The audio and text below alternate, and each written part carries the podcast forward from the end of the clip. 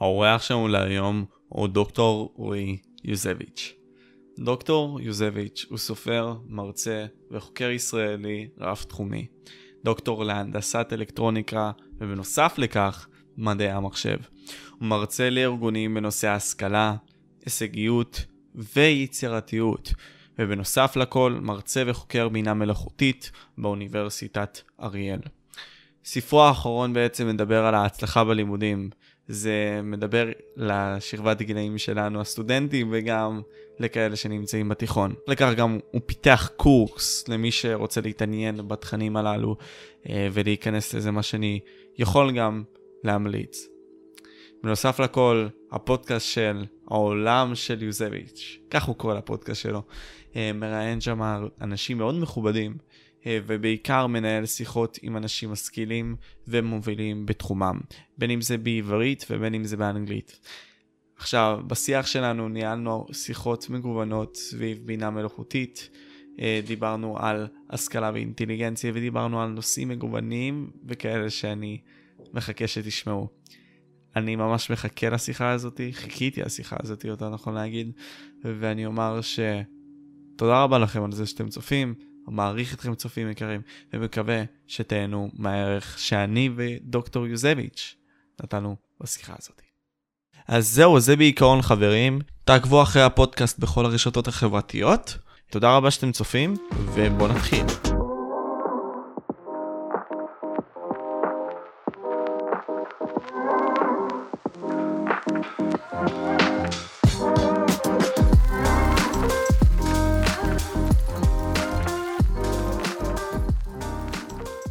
לפני שהתחלנו את השיחה בעצם אמרת שאתה בערוץ שלי, אהבת את היוזמה הזאת שאני לוקח על כך שאני מנצל את האינטרנט לטוב, לטוב שלי אפשר להגיד.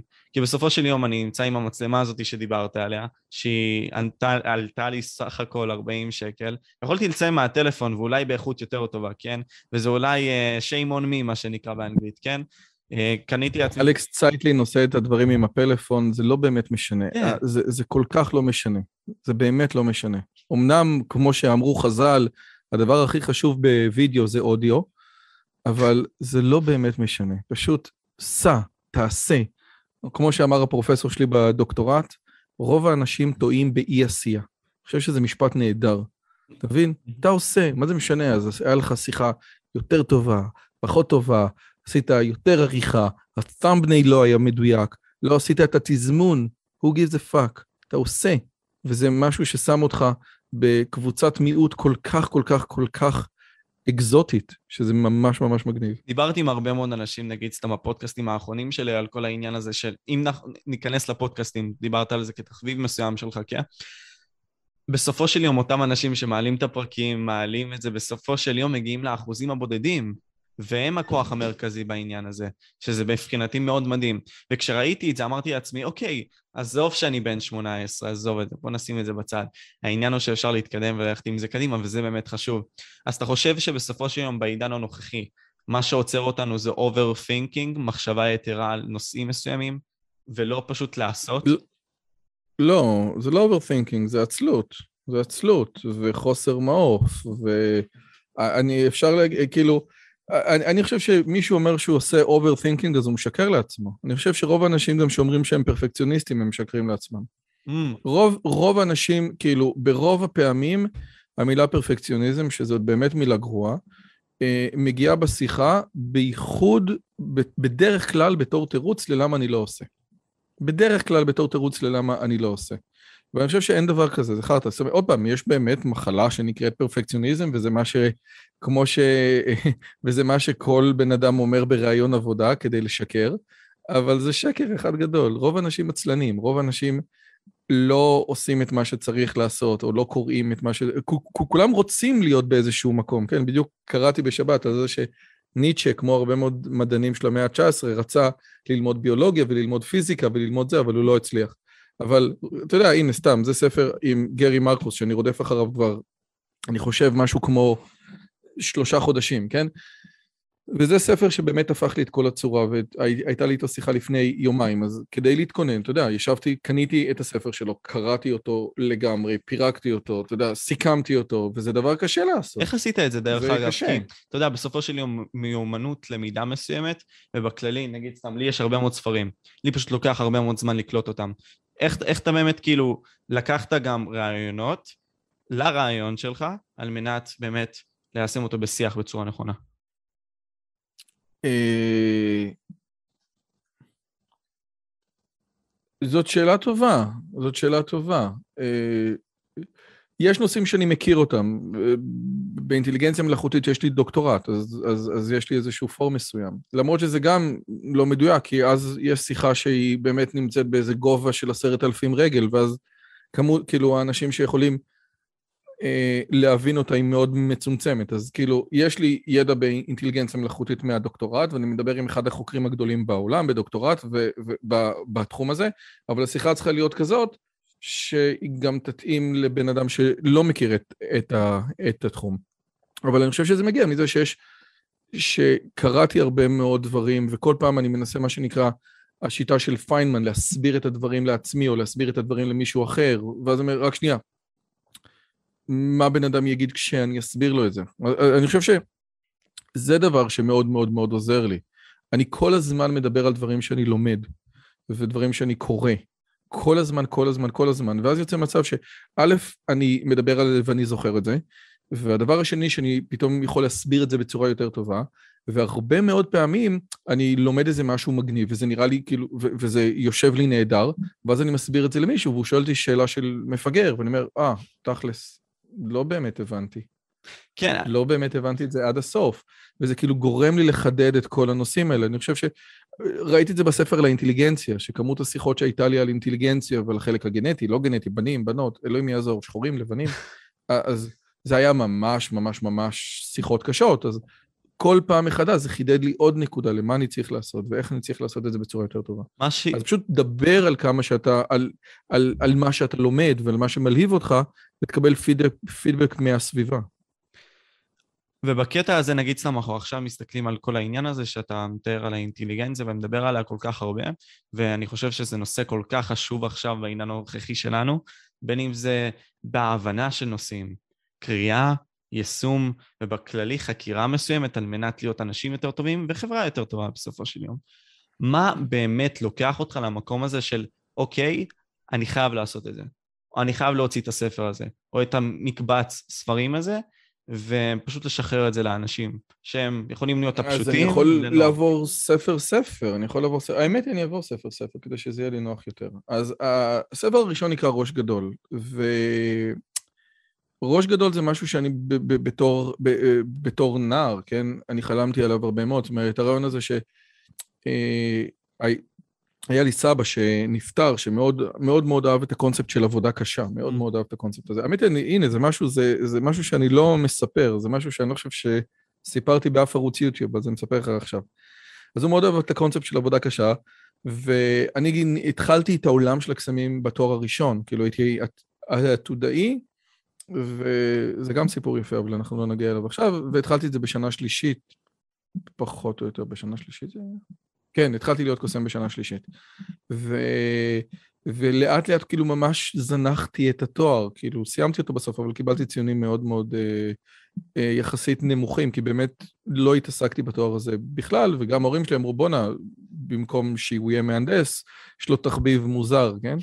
וסבא שלי דיבר איתי הרבה פעמים שזה לא דבר, אתה צריך משהו רציני, אתה צריך עבודה רצינית, והסוגיה של עבודה לעומת תחביב, כישרון לעומת כישורים, דברים שאתה נהנה לעשות מול דברים שאתה צריך לעשות. אה, הייתי ילד מגמגם, אז בכלל, כאילו, איפה כל הדברים האלה עומדים? זה ממש עניין אותי. והיו לי המון המון המון שיחות איתו.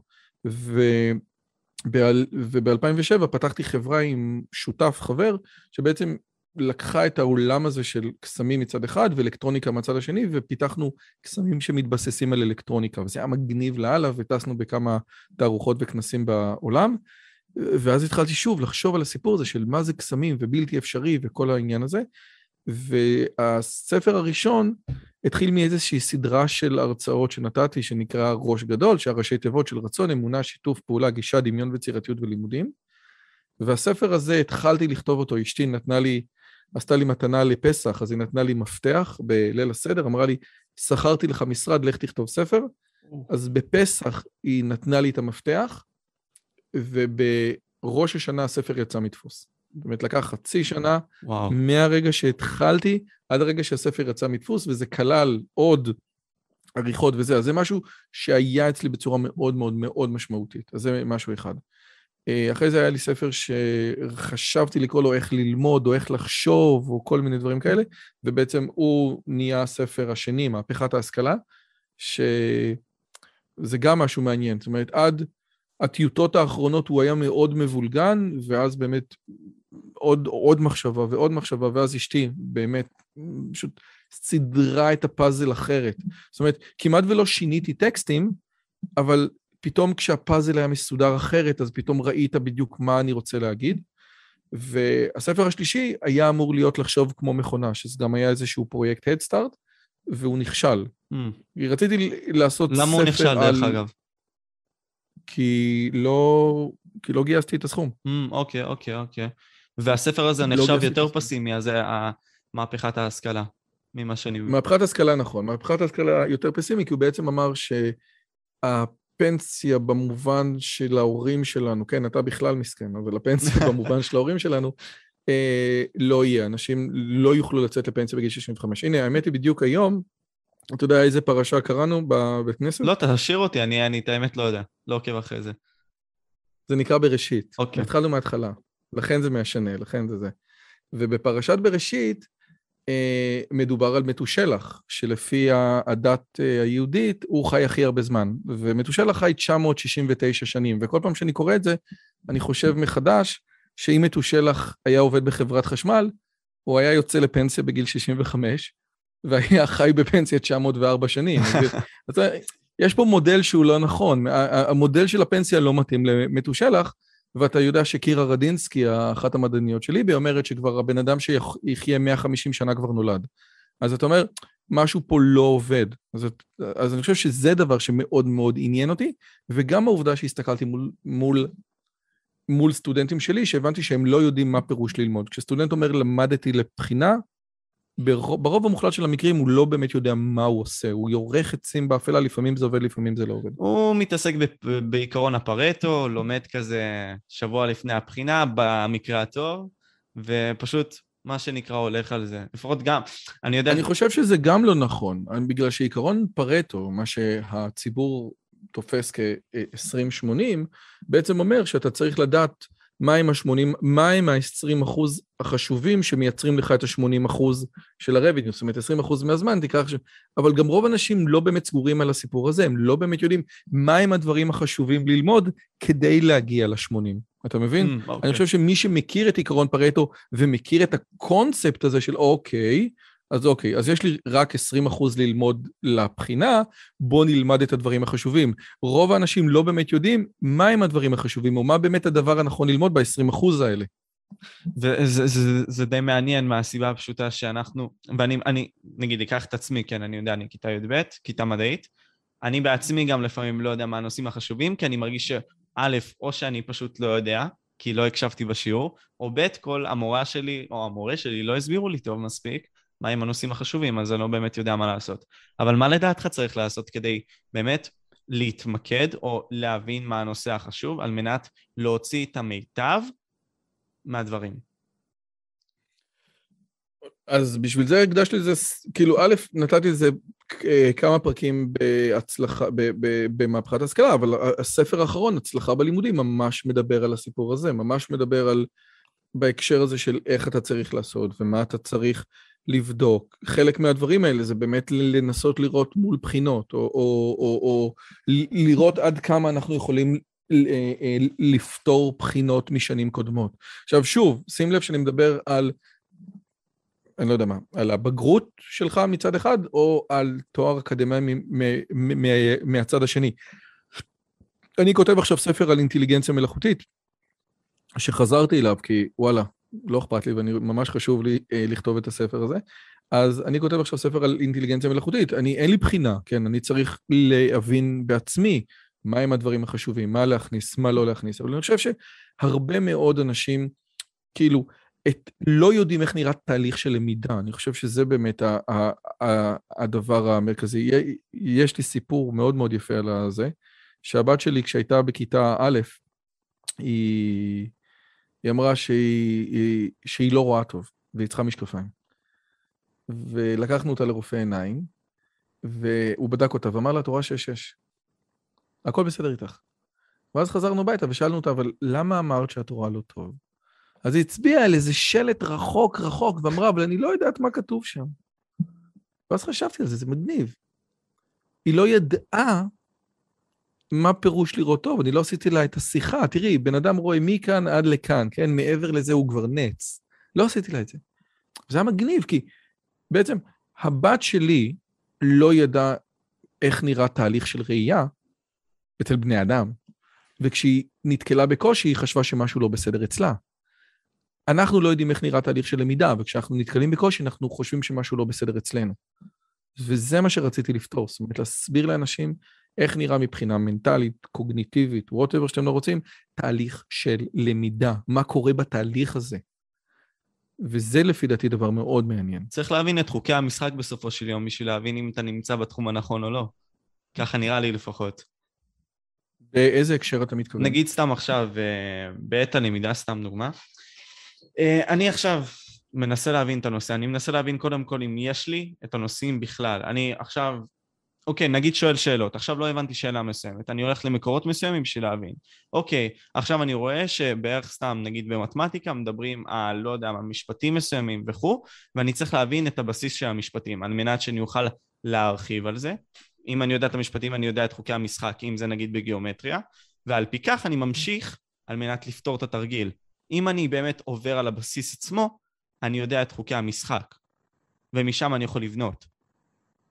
כן, אבל, אבל, אבל, אבל זה משפט שלילי, אתה צריך לבוא ולהגיד, אם אתה לא עובר את הבסיס, אתה לא יודע את חוקי המשחק. זאת אומרת, אם אתה לא מכיר את המשפטים, בטוח שלא תצליח. אבל הרבה אנשים אומרים, אוקיי, למדתי את המשפטים, אבל אני לא מצליח לעשות את ההוכחות, אתה מבין? Mm. כאילו זה תנאי הכרחי, הוא לא מספיק.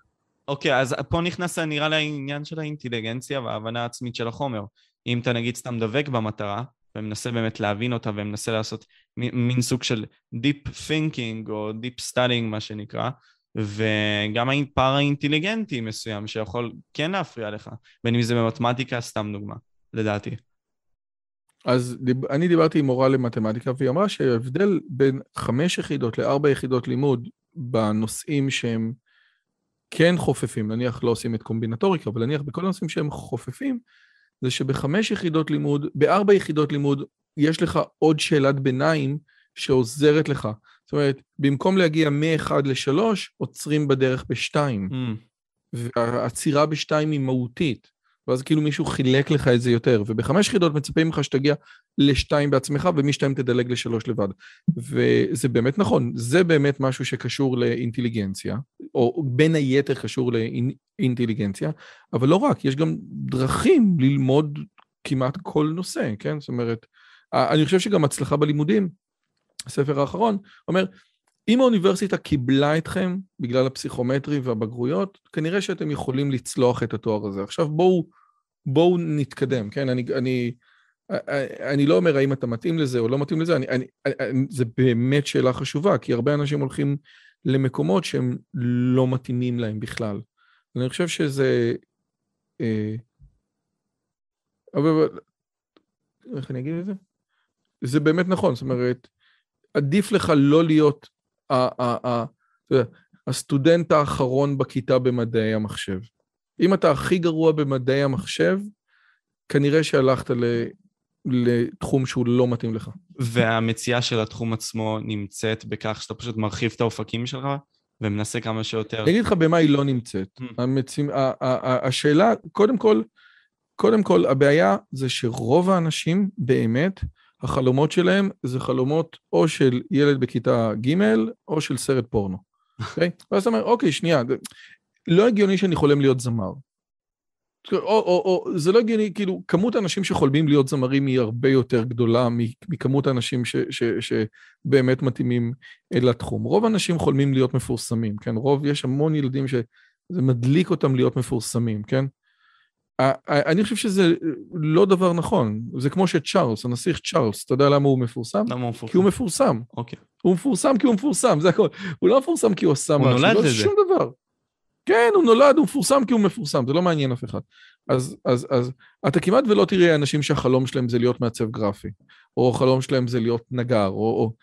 ואני חושב שדרך אחת מאוד טובה לעשות זה באמת להתחיל ולהתעסק בזה. אתה יכול לראות איך נראית העבודה שלך, אתה יכול לעשות, אתה יודע, לעשות קרפנטין, קרפר, קרפנטין טוטוריאל ביוטיוב ולראות איך דברים נראים. הרי הרבה מאוד אנשים אומרים לגבי עתודה אקדמית, כן? שבן אדם לא יודע בגיל 18 מה הוא רוצה לעשות. שזה אמירה נכונה, אני מוכן לקבל את האמירה הזאת. אבל אם לא עשית שום דבר במשך שלוש שנים בצבא, אתה גם בגיל 21 אתה לא בדיוק תדע מה אתה רוצה לעשות, כן? הדרך היחידה שלך לדעת מה אתה רוצה לעשות זה להתנסות. ללכת לעשות קורס אחד בקמפוס, או לקרוא איזה ספר בנושא, או כל מיני דברים כאלה. אתה מבין? וזה משהו שרוב האנשים לא עושים, כן? יש לא מעט אנשים שמגיעים לתחומים שלנו, שזה מדעי המחשב, או הנדסת אלקטרוניקה, רק כי הם שמעו שיש שם הרבה כסף. ואז הם פתאום רואים, רגע, אבל זה איום ונורא, להיות מתכנת זה שנאת אדם, כן? אז הוא אומר, רגע, זה, זה, זה לא מה שאני חשבתי. עכשיו, אם היית מתכנת בגיל 15 ובגיל 14 ובגיל 13, ואתה אוהב את כל הנושא הזה של הקומבינה של ה... של אני לא יודע מה, של ה... של ההאקינג וזה, אז אחלה, אבל אם, את יודעת, הנה, סתם, אלה דברים שאני אוהב להתעסק איתם, אני לא יודע אם יש לך, אם, אם אתה... אוי, מתלהב איתם, הכל בסדר, מה את זה? רגע, שנייה. הנה, פה, כל מיני אלקטרוניקות. או, אוקיי, אמ, תסביר לצופים מה זה. זה בעצם רכיבים, קודם כל, אני אחד הדברים שהכי אותי מעניינים, כן? זה הקונספט הזה של רובוטיקה ורובוטים אנושיים, כן? אז יש לי דברים שאני מדפיס במדפסות תלת מימד וואי, שלי. זה מדהים. פה, זה זה. מדהים לגמרי. הנה, וזה העיניים, איפה זה העיניים? הנה. מה מגניב פה בזה זה- כל כך אבל? כי כי זה באמת נראה מדהים. איפה זה היה לי פה? איי, וואו, הכל פה כבר הלך לי פה, מה זה? האמת, אותי זה נורא מגניב, זה, זה ממש ממש מגניב. אה, מה מגניב בזה? אני לא יודע, אה, אה, כאילו, אה, אתה שואל מה מגניב, כאילו, אני, אני- אולי קשה יהיה לי להסביר לך מה מגניב לא, לא, מה- מלעיט אותך. בזה? מה... נגיד סתם, אני עכשיו מדבר איתך על הרובוטים וכל הדברים האלה והיצירה שלך, מה זה נגיד סתם, איזה תחושה זה נגיד מוציא ממך כשאתה מדבר על זה? אני לא יודע, זה מגניב רצח. אני יכול להגיד, יכול להיות שזה מגניב רצח כי פעם ראיתי, כשהייתי קטן ראיתי רובוט כזה, ויכול להיות שזה מגניב רצח כי כל הנושא הזה של אנימטרוניקה מגניב אותי רצח, ויכול להיות שזה מגניב רצח כי זה משהו שאולי הכי קרוב ל... לייצר בן אדם, שזה אגב התיאוריה שלי למה אין נשים בתחום הזה, כי נשים יכולות באמת להיכנס להיריון ולעשות בן אדם, כן? אז, אז, אז אני לא יודע, אבל אני כן יודע שזה מספיק מגניב אותי כדי להעביר את ההתלהבות הזאת לסטודנטים שלי הלאה, ולכן בתחומים האלו אני מרצה טוב, כי יש לי התלהבות שיכולה לעבור הלאה, זה משהו שהוא בלתי אמצעי כזה. אתה יודע, וזה מאוד מעניין אותי, אבל אני טיפה אסטה מהנושא בקטע הזה. הק... אתה מדבר איתי כל הזמן על העניין הזה של הלמידה, על זה שאיזה יופי, אתה לומד לבד, אתה משכיל לבד, אתה באמת בן אדם שמה... מהאינטרנט עצמו, אתה בעצם לוקח השראה, אתה משחרר אותה לעולם, ואתה לומד, שזה דבר מאוד נכון.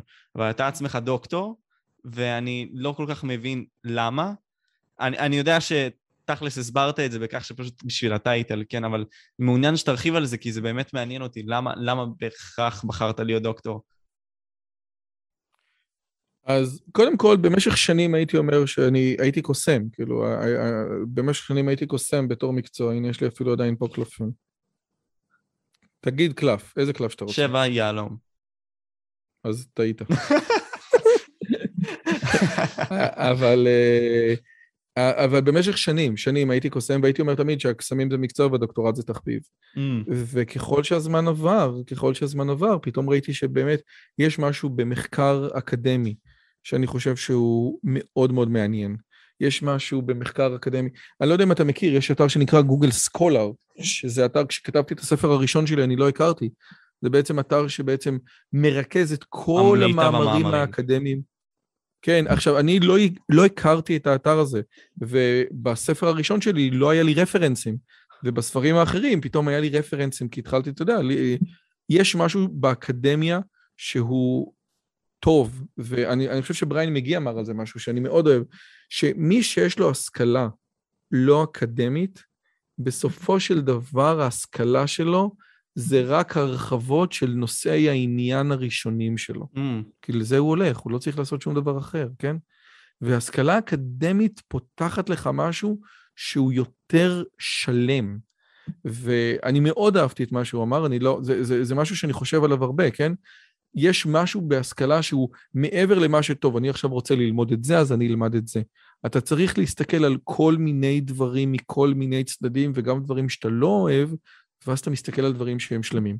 זה דבר אחד. אבל השכלה האקדמית שלי קשורה לתוך עולמות של מתמטיקה ושל הנדסה ושל מדעי המחשב. היא לא קשורה לתוך העולמות האלה, כן? זאת אומרת, זה...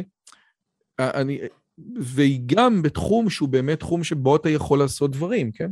יש דברים היום, בגלל שאני חוקר, שהם, שיש לי היום כלי עבודה בתור חוקר במדעי המחשב, ב science, שאני חושב שהם כלי עבודה טובים, שלא היה לי אותם לפני עשר שנים, שלא היה לי את ה... לא תואר שני ולא דוקטורט ולא את ההמשך הזה, ולא את הפוסט-דוקטורט. אבל נגיד סתם לגבי ה Google Scholar שדיברת על זה, עם העניין של הרפרנסים, זה לא הפריע ממך נגיד סתם מהספר שלך להתפרסם ושאנשים ידברו עליו ב-2007. אבל עדיין, אני מבין מה אתה אומר, אבל זה לא... כן, אבל אתה יודע, זה, העובדה כן, אבל, אבל כשאני חשבתי על נושא מסוים, אז החשיבה שלי הייתה רק דרך הספרות הפופולרית שנכתבה על הנושא הזה. Mm. ועכשיו, כשאני חושב על נושא מסוים, זה כמו שמישהו אומר, קראתי מאמר, והוא בעצם מתכוון שהוא קרא כתבה בלאישה, אוקיי? עכשיו, אתה יכול לקרוא המון כתבות בלאישה, ואתה יודע, אבל אם קראת פעם כתבה בלאישה, על מאמר מסוים, ואז קראת את המאמר עצמו, פתאום אתה מבין, רגע, רגע, רגע, זה לא אותו דבר. הרי כל מה שמדברים עכשיו על הגלובל וורמינג, כן? יש המון אנשים שמדברים בגלל שהם קראו את הדוח של ה-IPCC.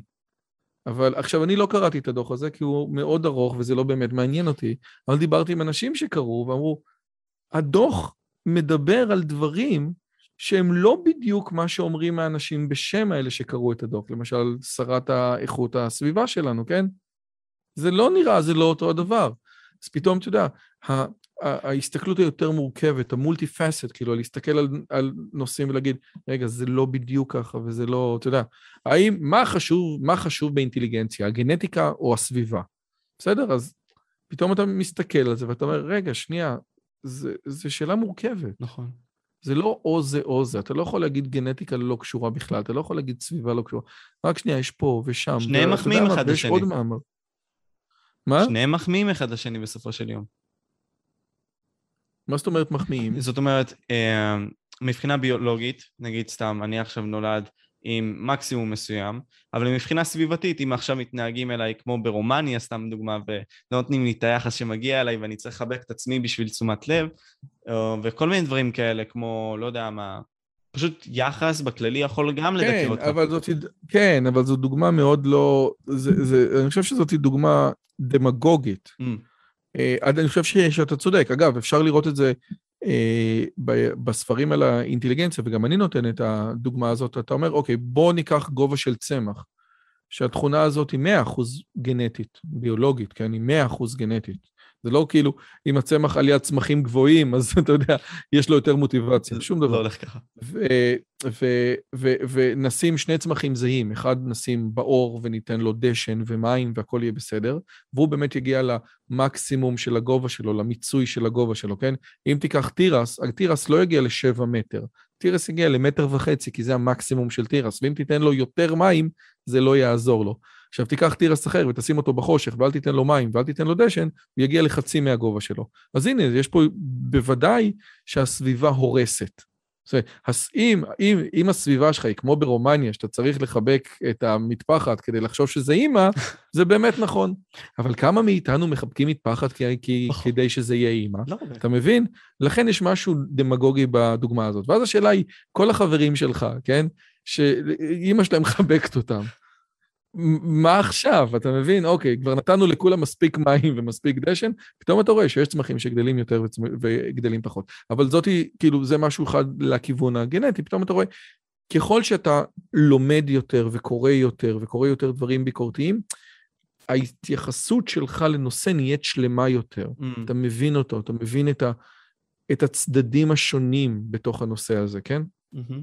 עכשיו, ואת זה, וזה דבר שאני לא יכולתי לעשות בצורה טובה לפני שחזרתי לעולם האקדמי. אגב, היום אני יכול לעשות את זה בצורה יותר טובה, בגלל שיש לי כבר את הכלים. אני לא צריך עכשיו לעשות דוקטורט בהיסטוריה של אינטליגנציה מלאכותית, אתה מבין? כן. כבר יש לי את הכלים האלה, אני כבר בכלל חושב שהמטרה הכי גדולה של דוקטורט, זה שתבין שאתה לא צריך דוקטורט. Mm, ואז תוכל בתור חוקר לקחת נושא חדש ולתפור אותו מההתחלה, ולהגיד, רגע, אבל אין לי דוקטורט בזה. נכון, אני אלמד מההתחלה את הכל. כאילו, דוקטורט מלמד אותך שבסופו של סוף אתה, אתה יכול לעשות את התהליך לבד.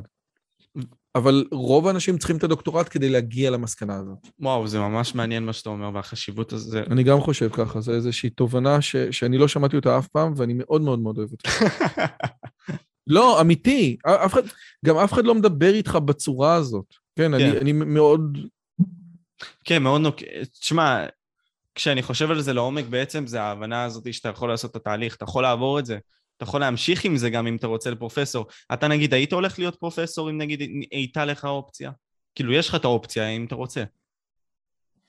אני, אני עוד פעם, להיות פרופסור, אני צריכים להסביר מה זה אומר. להיות פרופסור זה בעצם אומר שאתה ממשיך בדרך שאתה הזה, כן. ממשיך עכשיו, באקדמיה וממשיך לחקור, כן?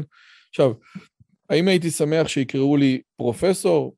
אני מניח שזה היה עוזר בעוד כל מיני אספקטים.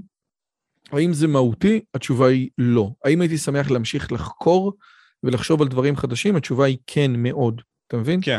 זה הבדל, זה הבדל מאוד מאוד מאוד גדול. האם זה יהיה, האם אני בטוח ברגע זה שזה יהיה במסגרת של אקדמיה? התשובה היא לא. Mm. אוקיי, אוקיי. שמעניין. אתה יודע, רועי, אתה בעצם בחור מהאקדמיה, ובכללי עלתה לי המחשבה הזאת שגם אני עכשיו בקורונה מסתכל על זה גם ובצורה גלובלית יותר. הרבה מאוד מהמאמרים שאני מחפש בכללי, הם לא באים למען המדע. כלומר, אנחנו רואים בעצם אג'נדות מסוימות, פוליטיות, PC, מה שלא נקרא לזה ככה, שלא מקדמות בעצם את המטרה החשובה שלנו, שזה המדע. דבר ראשון, האם אתה מרגיש ככה? האם אתה מרגיש שבעצם מאמרים שיכולים כן להיות חשובים לנו בחברה שלנו כיום, וכן לקדם אותנו, על מנת שאנחנו כן נהיה יותר טובים כבני אדם, לא נחשפים לציבור, והאג'נדות הפוליטיות, או ה-PC, מה שנקרא, נחשפות יותר ובהרבה יותר. כי אני חושב שפשוט האנשים לא שמים לב לזה כל כך. אני בדיוק קראתי היום על ניטשה, בדיוק, בדיוק היום, בדיוק על זה, שניטשה מאוד מאוד מאוד כעס על העובדה הזאת שבן אדם הולך וחוקר בשם המדע מבלי לשים קשר או מבלי לשים לב להשלכות האתיות של מה שהוא חוקר. ובהקשר הזה הוא מאוד מאוד כעס על סוקרטס. מאוד. הרצון לדעת הזה של סוקרטס, לדעת לשם לדעת, שהיום זה מבחינתנו יוון, כן? הוא מאוד מאוד כעס על זה. הוא אומר, יש דברים, אה, אז, אז יש בעצם את השיטה הזאת, שלכאורה זאת השיטה שאומרת, אה, אה, אה, אנחנו נלמד משהו ולא משנה מה ההשלכות שלו, Mm. ויש את השיטה של מרקס וניטשה ועם חלק מלב, וגם היום ה-PC, שאם יש משהו שההשלכות שלו הן בעייתיות, אז אנחנו נשתדל שלא להתעסק בו, וכבר מה שאנחנו יודעים, אנחנו נשים עליו איזשהו, אה, איזה שהם מחסומים. היום התפרסם בכל האתרי חדשות, שמתחילת השנה נרצחו בחברה הערבית 100 איש. שזה המון. המון, וגם היה עכשיו, אני לא ראית, אני, אני לא יודע אם יצא לך לראות, אבל היה מעצר בכפר קאסם, ונתנו מכות לשוטרים. עכשיו, כל הדיונים לגבי הסיפור הזה מתעסקים ב... אולי צריכים עוד אכיפה, ואולי צריכים עוד... אני, אני לא יודע, אבל אף אחד לא נוגע בזה של... רגע, יש... אתה יודע, אפשר לגעת בנושא הזה בעוד כל מיני זוויות, שאפילו אני לא אומר אותם פה, כדי שלא י- יהרסו לך את הערוץ. אבל אני חושב זה דבר מאוד מאוד מאוד בעייתי. אני דיברתי עם פרופסור לקרימינולוגיה שמתעסק בקרימינולוגיה ובגנטיקה. זאת אומרת, האם יש פן גנטי לקרימינולוגיה? ורציתי להביא אותו לערוץ, כי העבודה שלו מאוד חשובה. הוא אמר לי, תקשיב, אני מפחד, אני מאוד רוצה לבוא, אבל עושים לי את המוות, ומחוץ למחקרים אקדמיים שאני מפרסם, אני לא מתראיין בכלל. אז מצד אחד בוודאי שזה קיים בהרבה מאוד אספקטים, אה, ומהצד השני, יש באמת נושאים שאם אתה חוקר אותם, אז יש להם השלכות, וההשלכות האלה הן השלכות שהן בעייתיות. אז אני לא יודע מה להגיד לך. אתה יודע, אני... עוד פעם, אם אתה מדבר ספציפית לגבי הקורונה, לגבי, אתה יודע, גברים נשים, אני חושב שיש בזה דברים מטורפים. אני כתבתי את זה, אני כתבתי כמה דוגמאות בספר שלי על האינטליגנציה, כן? אני אתן לך רק דוגמה אחת, שאני חושב שהיא היא, היא, היא זה.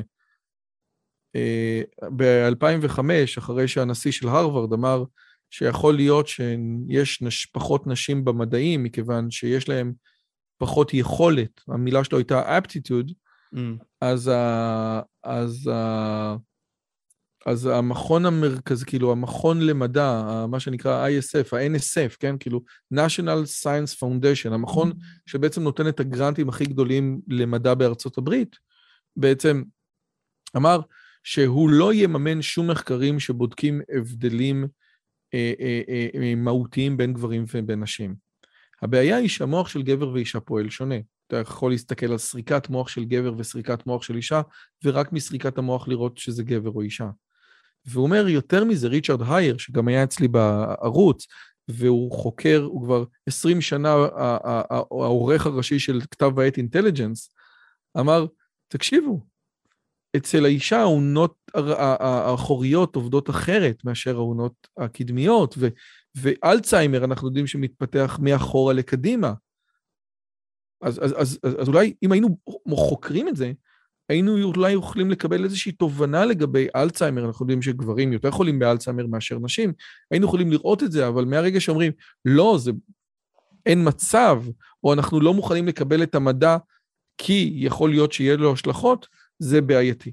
ככלל, אני חושב שהאמת זה איזושהי פוליסה יחסית טובה. זאת אומרת, יש אמת, וכדאי לך להגיע לחקר האמת, והמדע, בוודאי המדע המודרני, מתעסק, או בעצם מחלק בין אמת ושקר ובין טוב ורע. זה הקונספט של חטא עץ הדעת, כן? יש אמת ושקר, וטוב ורע זה משהו אחר. והמדע לא אומר לך האם משהו הוא ראוי מבחינה מוסרית, כי אין לו את הסמכות לזה, ומי שאמור לתת לך את הראוי או לא ראוי, זה משהו אחר. לצורך העניין, עכשיו אתה יכול לבוא ולהגיד לנשים, נניח שתבוא ותגיד כזה דבר, לגברים יש פחות אה, אה, אה, אה, אה, יכולת רגשית, כן? ואז אתה אומר, אוקיי, בסדר, זאת איזושהי אמירה אה, אה, מדעית. ואז אתה אומר, אוקיי, עכשיו, האם ראוי לתת לגבר להיות גנן בגן ילדים? שאלה אחרת לגמרי. כן. קודם כל, אתה יכול להגיד ראוי, כי אתה, המדע מדבר על, ה, על הכלל, ופה זה פרט.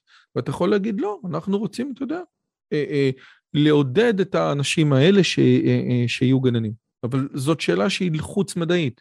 שאלה האם משהו ראוי שיעשה, הוא לא, היא לא שאלה מדעית. ואם אתה עושה את החלוקה הזאת, אז אין בעיה שהמדע יגיד את האמת שלו, והמוסר יגיד את האמת שלו. אבל אתה מבין, בקטע הזה, בקטע העמוק הזה בסופו של יום, שמתעסק בעניין הזה של, נגיד ניקח את הקליפת בצל, וניקח את הבפנוכו של הבצל, שזה נגיד סתם הדבר המרכזי. ככל שאתה מוריד יותר קליפות ואתה מנסה להגיע לאמת, כך גם אתה נתקל בהרבה מאוד השלכות מהחברה. וזה נגיד משהו שלפעמים הורג אותי. וכמו שאתה נגיד סתם לא אמרת לגבי הדברים האלה והדרכי טיפול מסוימות, מבחינתי זה נורא. אז האם אתה חושב שאנחנו, כאזרחים הפשוטים, מה אנחנו צריכים לעשות? כי, כי מבחינתי, זה פשוט, אנחנו מורידים לעצמנו את האנושות ככה. אנחנו, אני, אני, אנחנו מנסים לא לקדם את עצמנו, בדברים מסוימים כן לקדם את עצמנו, כי יש שם כסף, אבל בהרבה מאוד מהמקרים גם מדכאים את עצמנו, ואנחנו לא באמת מתקדמים, כי יש שם אג'נדות שהן יותר חשובות מאיתנו כביכול. איפה אתה חושב שאנחנו לא מתקדמים? אוקיי, אז, אז קודם כל, אני חושב שאנחנו עושים רגרסיה עצומה מבחינה ביולוגית. מה הכוונה? אני עכשיו רוצה לצאת עם מישהי. עכשיו, זה חוזר לימים העתיקים, בעצם הפוליומוריה מנגד למונוגמיה. כלומר, אני עכשיו מנסה להיכנס עכשיו לטינדר. מישהי בוחרת בי לא בגלל האופי שלי, אלא בגלל היופי שלי, וזהו, נטו זה. לא בגלל הערכים שלי. ואז הרבה מאוד גברים, סתם דוגמה, נמצאים מחוץ לתחום הזה של אנשים. מבחינתי, אני חושב שנגיד סתם תחום הדייטים, הוא תחום שקיבל רגרסיה עצומה, וזה משפיע עלינו. גם תחום המשפחתי. כן, רגע, רגע, שנייה, רגע, אבל, אבל בוא נחלק את העניינים האלה, כן? אוקיי. אה, אה, אה, קודם כל, פולי אמורי זה באמת, זאת המי, זאת אחת המילים הכי יפות שאני מכיר כדי, כדי לתת לך הצדקה להשתרמת עם מי שאתה רוצה, שאני חושב שזה יפה מאוד, זה קודם כל. אני, אני, אני כבר אה, אה, אהבתי. זה משהו אחד. עכשיו, לגבי אה, אה, Tinder, כן? אתה יודע, אני, אני סתם אתן, אתה יודע, סתם ציטוט של פיטרסון, ואולי נגיע לזה.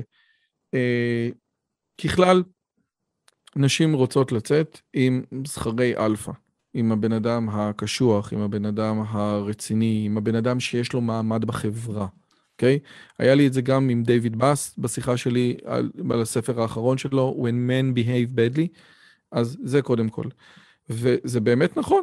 אגב, לי אין ריבועים בבטן, ולכן אני לא הייתי מתחיל עם אישה בחוף הים. שבאמת, בחוף הים, אתה, זה הדבר, כאילו, זה הכלי נשק שלך, כן? כאילו, אבל בכל זאת אתה. נראה יפה. לא, אבל כן, אבל, אבל, אבל אני בוחר את שדה הקרב. נכון. אתה יודע, הנרי קיסינג'ר, תראה, תיקח את הגדולים, אתה יודע, הנרי קיסינג'ר היה, שובה, היה שועל לא קטן. ז'אן פול סארט, או סארטר, כמו שהוא נקרא בעברית, הוא כאילו שיגל חצי מהסורבון. ושניהם היו מכוערים בצורה בלתי רגילה. אפשר לקחת עוד הרבה דוגמאות, כן? אבל זה לא באמת, אושו, ירחם השם. אבל זה לא באמת משנה, רספוטין. מה שמשנה זה שבן אדם יודע את המגרש שבו הוא משחק. עכשיו, אם אתה מתחיל, אם, ו, ו, אז, אז זה דבר שאני חושב שהוא מאוד מאוד משמעותי. ויותר מזה, אני חושב שבטינדר, ואני יכול להגיד לשמחתי, שמעולם אפילו לא ראיתי איך נראית האפליקציה הזאת. אז אני חושב שבטינדר, א', בנות הסתכלו על דברים אחרים מעבר למה שאיך הבן אדם נראה, כן? אין מה לעשות. תמיד ליד, תמיד באוטו אה, יקר מאוד, תמצא אישה יפה. או... משפט יפה, אבל אתה מבין, בהתאמה... איך זה קורה? כן. אוטו יקר אומר שהבן אדם מוצלח, ובן אדם מוצלח רוצה אישה יפה. איזה קטע, איך זה תמיד, איך זה תמיד באוטו באוטו יוקרתי, תמצא אישה יפה. זה קטע חזק. אתה מבין? כל השחרור הפמיניסטי, כל המהפכה של המאה השנים האחרונות, אגב, זה בדיוק העניין, שים לב, השבת פרשת בראשית, ובפרשית, בחצת עץ הדת, האדם קיבל עונש, והאישה קיבלה עונש.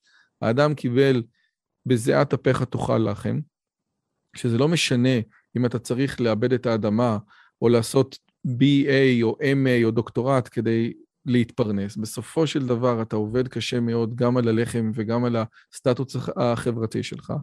והאישה קיבלה את ואלי שייח תשוקתך והוא ימשול בך.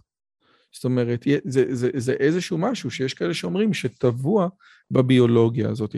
האם הדייטים, האם, האם המתירנות המינית עשתה פה איזשהו בלגן? בוודאי שהיא עשתה.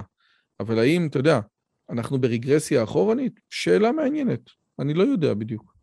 כי בסופו של יום לדעתי זה ייצור מין סוג של אי איזון כולל מפחיד במרקט של כל שוק הדייטים, כי נגיד סתם יש 105 גברים לכל 100 נשים. זאת אומרת, יש גם ככה אה, מחסור לגברים, אה, משמע כך או כך, הרבה מאוד מהם לא יקבלו את המקום, ואנחנו לא נכניס עכשיו גובה, אבל לא נכניס עוד הרבה מאוד דברים, ובסופו של יום, הרבה מאוד מהאנשים האלפא males, מה שאתה אומר, הסיגמה males, אם ניקח אותם למיניהם, אתה בדוגמה נכנס ברשימה הזאת. אתם תקבלו את רוב הנשים, או את הנשים השוות ביותר, סתם דוגמה, אתה מבין? לא, אבל זה לא הולך ככה, מכיוון שאנחנו, בגלל שאין פה אלפא male. אצל בני האדם זה לא ככה. אצל בני האדם זה לא עובד ככה, אבל זה באמת נכון שבהיסטוריה של האנושות יש הרבה יותר גברים בלי צאצאים מנשים בלי צאצאים.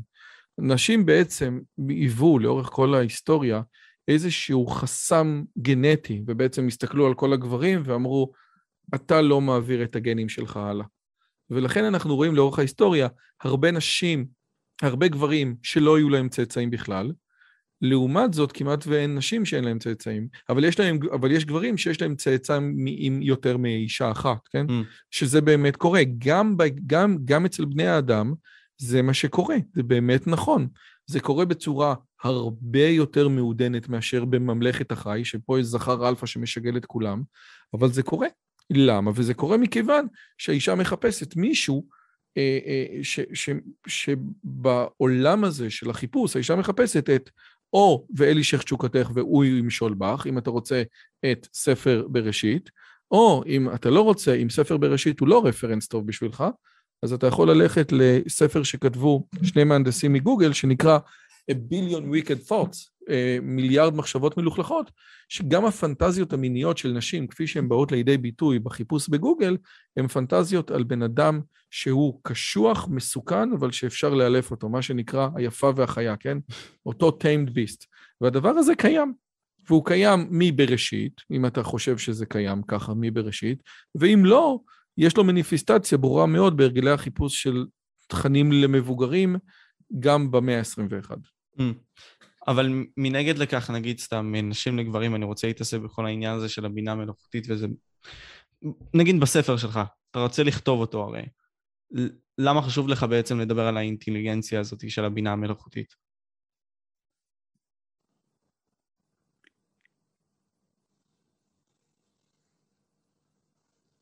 יש, אה, היה לבריטניה ראש ממשלה, קראו לו בנ, בנימין דיזריאלי, הוא היה יהודי. כן. אה, הדמות בהחלט מרתקת. ויש לו משפט מאוד יפה, הוא אמר, אם אתה רוצה ללמוד על נושא בצורה רצינית, תכתוב עליו ספר.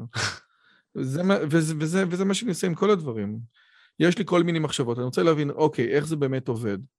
והדרך שלי להבין איך זה באמת עובד זה לכתוב ספר, ואז אני כאילו יושב ולומד את הדברים האלה בצורה רצינית, ואז אני גם צריך לא רק לחשוב על הדברים האלה, פשוט לכתוב אותם בצורה שזה יהיה מובן לבן אדם. אותו דבר עשיתי עם אינטליגנציה, מאוד עניין אותי העולם של האינטליגנציה, זה פשוט, זה, זה הטריף לי את הראש. ולא היה שום ספר שהיה ראוי, אז כתבתי. פשוט כתבת, פשוט עשית, וואו. זה שיעור מאוד חשוב לאנשים בסופו של יום. אם הם רוצים להבין משהו, פשוט שיעשו בקטע הזה, פשוט שישחררו. עכשיו, עכשיו, אתה לא צריך לכתוב ספר, כן? כאילו, לכתוב ספר זה דבר שהוא מעיק מאוד, אבל אני, אני כן יכול לבוא ולהגיד שאתה יודע, תכתוב בלוג, תכתוב פה, כאילו... תוציא סרטון ביוטיוב. כן, תוציא סרטון ביוטיוב, כן, משהו, תעשה. Mm. כן, בוודאי. יש משהו בארטיקולציה, כן? היכולת להעביר דברים מה, מהמחשבות האמורפיות שלך למילה, אוקיי? מי שיודע לעשות את הדברים האלה, יש לו כוח מאוד מאוד מאוד חזק. מאוד מאוד מאוד חזק. זה משהו שפיטרסון גם אומר. הרבה יותר מזה שהוא יודע לתת מכות. זה hmm? גם משהו שפיטרסון אומר, בסופו של יום. פיטרסון מדבר על זה המון, על, על, על הארטיקולציה, כן, על היכולת שלך, כי זה באמת כוח, אף אחד לא הולך מכות. אני בחיים לא הלכתי מכות. באמת? באמת. אני, אני הלכתי מכות פעם אחת, את האמת. כי אתה מאשקלון, לא? כן. נו, אתה רואה? יש הבדל, אתה אומר. לא, ברצינות, אני אומר לך, בחיים, אנחנו פעם, משרד החינוך הביא כל מיני דברים לבית ספר, מתי ראית אגרופן? או כמה פעמים ראית אגרוף? לא ראיתי דברים כאלה. אני אגרופן ראיתי רק בתמונות בגוגל. וואו, עד כדי כך, וואו, מדהים. עכשיו תקשיב, הייתי בקונקפוש שלוש שנים, כאילו הייתי הולך מכות פיצוצים, כן? אבל אף פעם לא הלכתי מכות מעבר להסכמה, אתה מבין? אף כן. פעם. לא הלכתי מכות, מה אני אעשה? ו... כי זה לא חשוב בעולם שלנו, זה לא חשוב. ואיזה דברים חשובים בעולם שלנו? נגיד סתם, אני עכשיו שם לב, ותתקן אותי אם אני טועה. יש הרבה מאוד חשיבות, סתם דוגמה, בבינה מלאכותית למה שנקרא, לדיפ פייקים, לדברים שיכולים לחקות את הקול שלך. סתם דוגמה, עכשיו אתה יכול להכניס את הקול שלך, ואחרי זה ישלימו אותו. העניינים האלה באמת מפחידים אותי. לא יודע, אני מאוד פסימי לגבי כל מה שקשור לבינה מלאכותית, ואני חושב שזה די עקרוני, כן? לחשוב ככה. והגיוני. האם יש לזה חשיבות עצומה בעידן שלנו? קודם כל, ה deep fake, ה deep fake זה באמת בעיה. ה deep fake זה באמת בעיה. אני כן יכול לבוא ולהגיד כזה דבר היום. פעם, איך קראו להם? החיות... אה, לפני מאה שנה, לפני מאה שנה, פחות או יותר, האחיות פוקס, Mm, אתה יודע מה, הנה, אני אראה את זה פה. אני יכול לעשות share screen? כמובן, כמובן. תקשיב טוב, זה, זה, זה באמת מדהים, כן, אני חושב שזה Fox sister. אתה מבין? זה למה חשוב העריכה, אתה מבין? בסדר. אה, בקטנה לוחץ, כפתור פה, כפתור שם, נמחק, שתי. שניות. לא, אה, רגע. Fairy tale, איך זה נקרא? image. איך קראו לזה? אה, לא, איך אומרים אה, פייה? Fairy? Fairy. Fairy, זה לא fairy tale. או, הנה, זהו. בדיוק. הנה, תקשיב טוב, אמיתי. תקשיב, זה סיפור מופרע מאוד. דבר אליי. תקשיב, הנה, share screen. עכשיו, ה- אני- אה, אוקיי. זה סיפור שפירק את העולם באיזושהי רמה, כן? אה, זה נקרא ככה, מי שלא יודע, האפיות מקונלי, הם, הם עשו פיות, הם צילמו פיות, הם צילמו פיות, אשכרה צילמו פיות. והתמונה הזאת התפרסמה... תתקרב למיקרופון, לא שומעים אותך טוב. התמונה הזאת התפרסמה ב-1917, כן? עכשיו, הם כאילו הראשונות שעשו, אה, הם הראשונות שעשו אה, אה, אה, אה, deep fake. פוטושופ, אוקיי, פוטושופ. אבל הם עשו פוטושופ ב-1917, ואז אנשים לא באמת הכירו את הפוטושופ של 1917. עכשיו, זאק קינג עשה פוטושופ של וידאו, מה שקוראים after effect, כן? ויש הרבה מאוד דברים. היום, אנשים באו אליי לפני שנה ואמרו לי, בואנה, איך עושים את הקטע הזה? ומה שאני ראיתי זה שבן אדם עשה after effect, רק הוא בעצם עשה פוטושופ על וידאו. ואם אתה לא יודע איך אפשר, אתה יודע, אם אני עכשיו אראה אותי עם פייה, אז אתה תבין שזה פוטושופ, אבל רוב האנשים עדיין לא סגורים על זה שאפשר לעשות את זה על וידאו. אז, אז אני חושב שאחד הדברים ש deep fake באמת אה, ייתן לנו זה שאנחנו נצטרך איזושהי סטמפה של בן אדם אומר, כן, אני אמרתי את זה, אני אמרתי את זה. אני לא יודע אם יהיה אפשר, יש היום כל מיני רעיונות איך אני בוחר או איך אני מגלה deep fake, זה שאלה חשובה מאוד, יש כל מיני, כאילו, גם אם עכשיו יהיה אלגוריתם שמגלה deep fake, אז עוד מעט, אה, אז, אז, אז יהיה אלגוריתם אחר שיעשה את זה יותר חכם, זה יהיה חתול ועכבר. deep fake זה באמת בעיה רצינית, זה באמת באמת בעיה רצינית, אבל אני חושב שיהיה אפשר לפתור אותה בכל מיני דברים, כן? כאילו, יהיה אה, הערוץ הרשמי, כן? או דברים כאלה. אבל, עוד פעם, אם, אם, אה, אם תסתכל או על השיחה שלי עם גרי מרקוס, אז אתה תראה שיש הרבה מאוד עבודה. הסי, ה- הדבר הזה נקרא, כן? אה, הנה, רק שנייה, בוא תראה את זה. ה- ה- הספר הזה נקרא, אה, קור, קור, קוראים לספר ריבוטינג AI, אוקיי. ו... מאתחלים. ו- את ה... נו, כן, הנה, בוא, תסתכל על זה. הנה. אוקיי. Building, re, הנה, Rebooting AI, Building Artificial Intelligence we can trust. ואני חושב שזה באמת העניין. היום לא ניתן עדיין לסמוך על הרשתות האלה. פשוט לא ניתן עדיין לסמוך על הרשתות האלה. אבל אנחנו משתמש, משתמשים באל- באלגוריתמים ודברים כאלה, בכל מקרה. נגיד סתם, אני מדבר נכון. עכשיו בבינה מלאכותית ודברים אחרים, כן? אמ, האלגוריתמים עצמם מנהלים לנו את החיים, ובסופו של יום שולטים לנו על המוח, סוג של, בצורה אה, מודעית. נכון, נכון. אם זה אלגוריתמים של גוגל ושל יוטיוב ושל פייסבוק, נכון מאוד. אז בן אדם צריך בתוך הסיפור הזה, נכון? איך אומרים, אם אתה מקבל את המוצר בחינם, אז המוצר זה אתה. זה באמת נכון. אה. בן אדם צריך להיות פחות בפייסבוק, פחות ביוטיוב. אה, אה, אה, אני, כל האנשים האלה שמסתובבים, אתה יודע, עם הטוויטר כל היום, אני לא מבין את זה, זה איום ונורא בעיניי. זה, זה, זה באמת לסמם אנשים, ממש ממש לסמם אנשים. אבל הם אוהבים את זה. אני, אני, אני, בסדר, גם כל אחד אוהב בוריק ו, ו, ומיץ תפוזים, כן, אתה יודע, זה, לא סתם, לא סתם היצר הרע הוא, הוא חזק, כן, בסדר, נכון. אנשים גם אוהבים לישון, מה, מה, בסדר, נכון. והאם לדעתך, נגיד, סתם בקטע הזה, היצר הרע, לכאורה, משתלט עלינו הרבה מאוד בעידן שלנו הנוכחי? בעצם, כמו בעולם חדש מופלא, אם אנחנו ניכנס לזה לעומק. מאוד, מאוד, מאוד. אנחנו, בוא נגיד כזה דבר, נכתבו שני ספרים איומים ונוראים. אחד 1984, שבעצם מה יקרה אם, אם, אם רוסיה תנצח, ו... או אם ברית המועצות תנצח, ואחד עולם חדש מופלא, מה יקרה אם ארצות הברית תנצח. אני חושב שאנחנו הרבה יותר קרובים לעולם חדש מופלא. בכל כך הרבה אספקטים, זה, כל, זה מטורף, ממש. בדיוק מישהו אמר לי שבלונדון או שבאנגליה הם, הם ראו שיש הרבה יותר, אה, הרבה פחות אה, כניסות של, אה, אה, כאילו, שבחורות בנות העשרה נכנסות להיריון בטעות. אמרו, או, oh, איזה יופי, הנוער נהיה יותר... uh, אקספטד, uh, מה שנקרא, כאילו...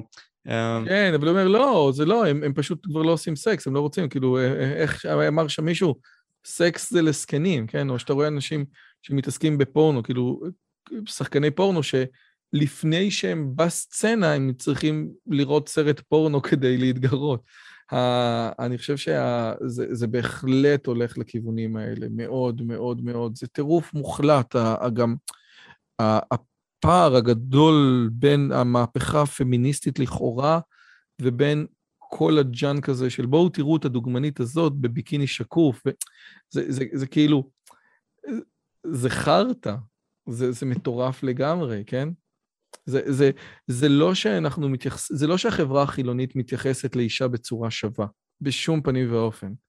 אז אני, אני, אני, אני לפני, אני חושב שלפני איזה חצי שנה או שנה, אני לא יודע כמה, היה איזה משהו, איזה כתבה של גיא פינס, שהוא ראיין שלושה זמרים מזרחיים שאמרו שאישה צריכה להיות בבית, והוא אמר, איום ונורא, והם לא מבינים וזה.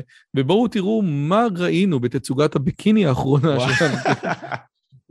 זה היה כזה מעבר, זה היה זה לא הגיוני.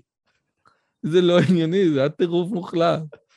אז, אז, אז כן, כן, אנחנו הרבה יותר עולם חדש מופלא והרבה פחות 1984. אבל, ו, וזה עוד פעם נוגע בנקודה הזאת, שאנחנו עכשיו נכנסים לעידן הזה של הבינה המלאכותית והרובוטים, דברים שאתה אוהב, כאילו בפרטים מסוימים, כן?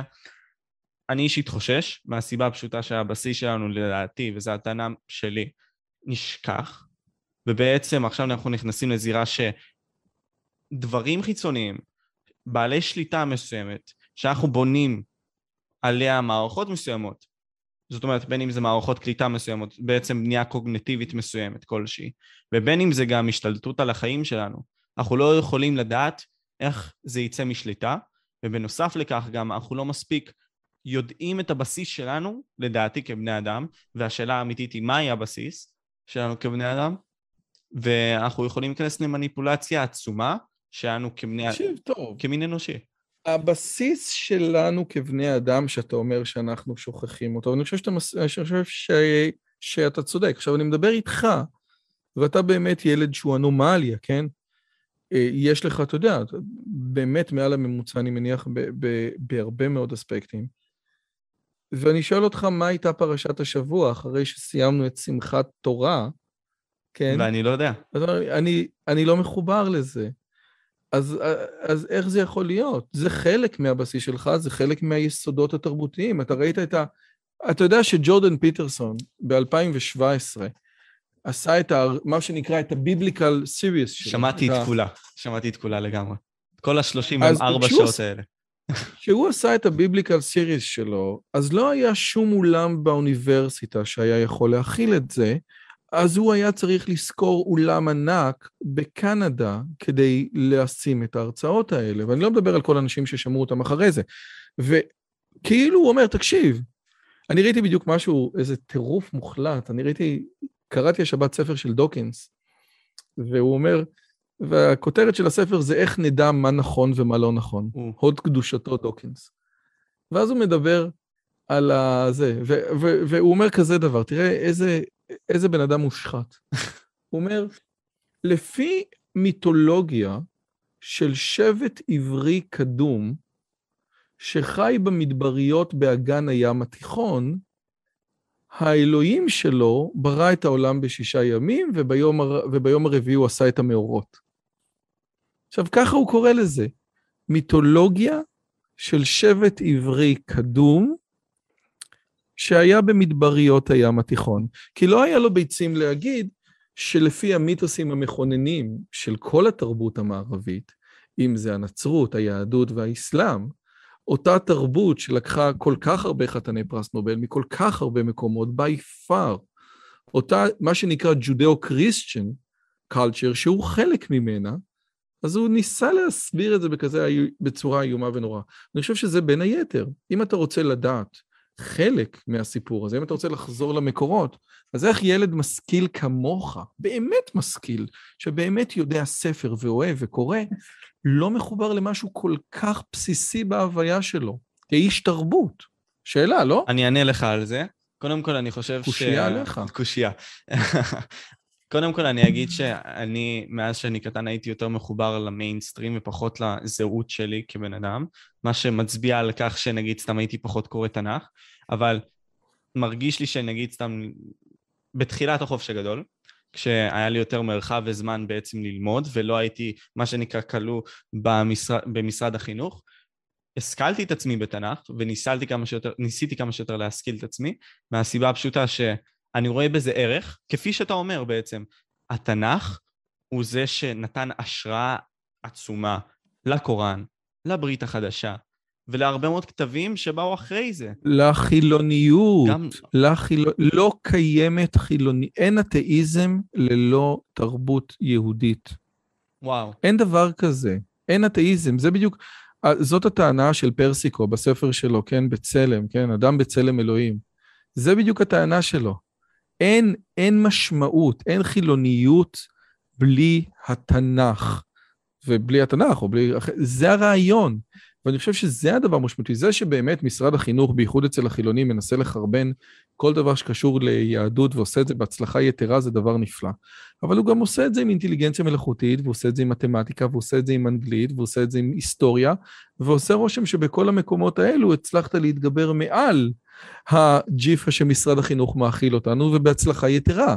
ואז השאלה שלי, איך יכול להיות שדווקא הדבר הזה, ואני חושב שעוד פעם, כי באמת, בדיוק אתה קורא את בראשית, ואתה פתאום מסתכל ואתה אומר, וואו, זה המיתוסים המכוננים של התרבות. הרי מה זה הגירוש מגן עדן? הרמב"ם אומר על זה, ויש לי סדרה על מורה נבוכים. נכון. אומר, ויבן, אה, אה, ויתן אלוהים לאדם ולאשתו כותנות אור, ויגרשם מגן עדן. והרמב"ם אומר, כותנות אור, זה אור, זה לא אור של, אה, איך אומרים, אור פרה של, זה, זה לא מעיל אור של זרה. זה אור של בן אדם, זה אומר, שתדע לך שעכשיו מתחילה האנושות. אתה רוצה להבין מהם הכוחות שפועלים באדם? תסתכל על הסיפור הזה לא כאיזה משהו היסטורי שהיו באיזה, ואני לא יודע מה, בפארק אפק, אלא תבין מה הכוחות שפועלים באדם.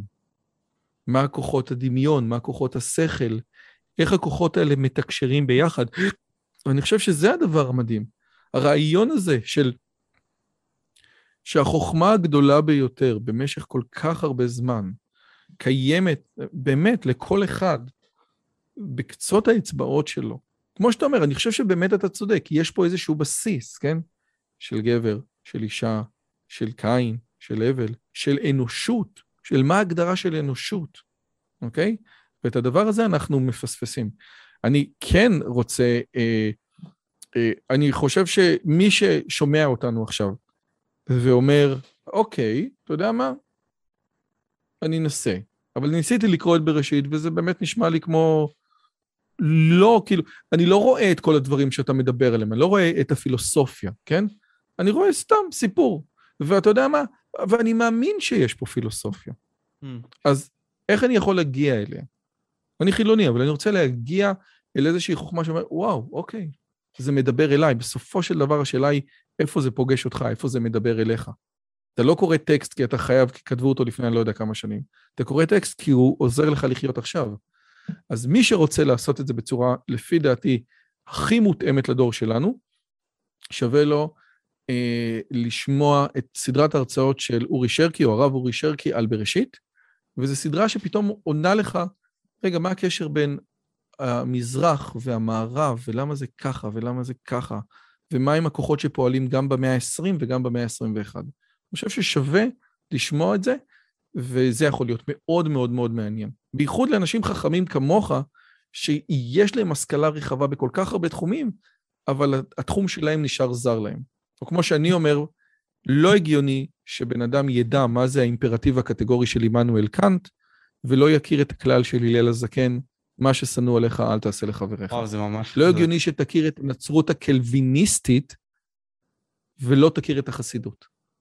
לא הגיוני שתכיר את מלחמת טרויה ואת מלחמת 100 השנים, שהיא בעצם 116 שנים, אבל אם אני אשאל אותך, רגע, מה קרה קודם מבחינה היסטורית, חנוכה או פורים, אז לא תדע. אתה מבין? זה, זה עוד פעם חוזר לעניין הזה בסופו של יום, ש... וזה סוגר מעגל סוג של וגם פותח אחד חדש. אתה בעצם, כבן אדם נער, מנסה להשתמש במה שיש לך, האינטרנט, כדי להבין את הדברים בצורה יותר טובה. ואתה מנסה כמה שיותר להתפתח מזה. ובסופו של יום, אתה מבין את הדברים שאתה לוקה בהם. אני נגיד, הבנתי את זה גם לפני זה, אבל אתה חידדת לי את זה יותר, ואני רוצה להגיד לך תודה על זה. על זה שהמקור שלך, הבסיס שלך, בהרבה מאוד מהדברים גם, עם כמה שאתה אומר את הדברים כפי שאתה אומר, הם לא מספיק מלאים. לא עבדת עליהם מספיק. ואתה צריך לחזק אותם על מנת להיות אדם יותר טוב. ולהשפיע על כן, יותר אגב. אני אמרתי את זה פעם ל... לאחד ההורים שלי, אמרתי לו, תקשיב, אני, אני מרגיש שאני מכיר את הנצרות יותר טוב מאשר את היהדות. וואו. אני אמרתי את זה כשהייתי בגיל שלך, אני חושב. והייתי בבית ספר דתי, כי באמת למדתי הרבה, אתה מבין? אז הכרתי את הקווינס ואת אוגוסטינוס הקדוש, והכרתי את הרפורמציה ואת לותר, יודע, רגע, אבל זה לא הגיוני. זה לא הגיוני שאני לא מכיר שום דבר שקשור לעולם התוכן שלי, ועזוב את זה אם הוא יותר טוב או פחות טוב, הוא שלי. הוא, הוא, הוא שלי. הוא שלי, הוא פשוט שלי, הוא שלי והוא שלך והוא שלנו. ויש לנו במה להתגאות, אוקיי? ו- ואני חושב שזה דבר שיכול להיות מאוד מאוד מעניין.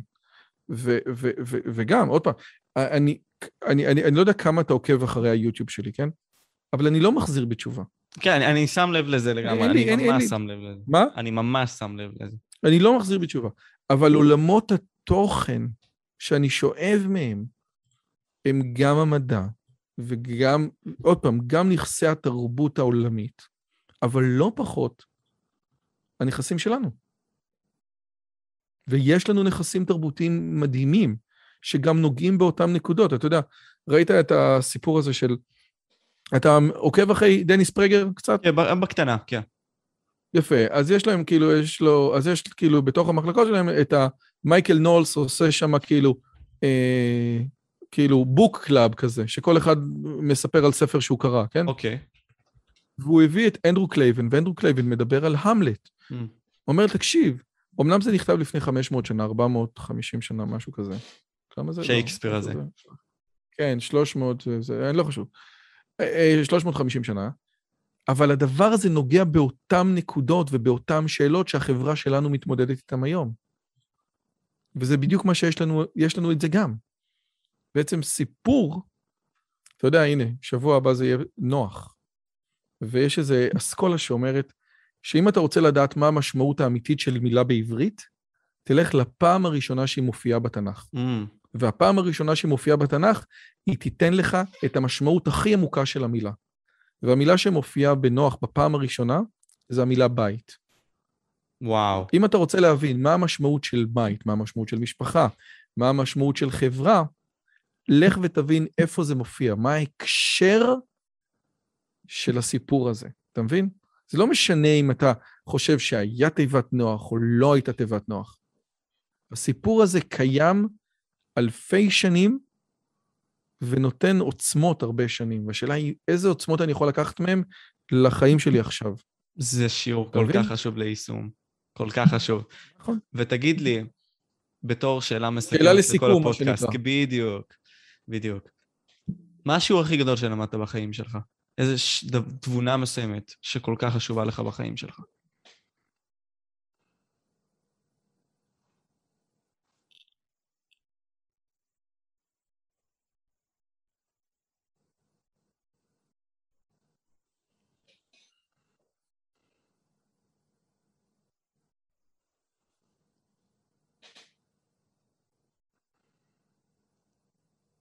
שאלה מאוד עמוקה, זה למה אני שואל אותה.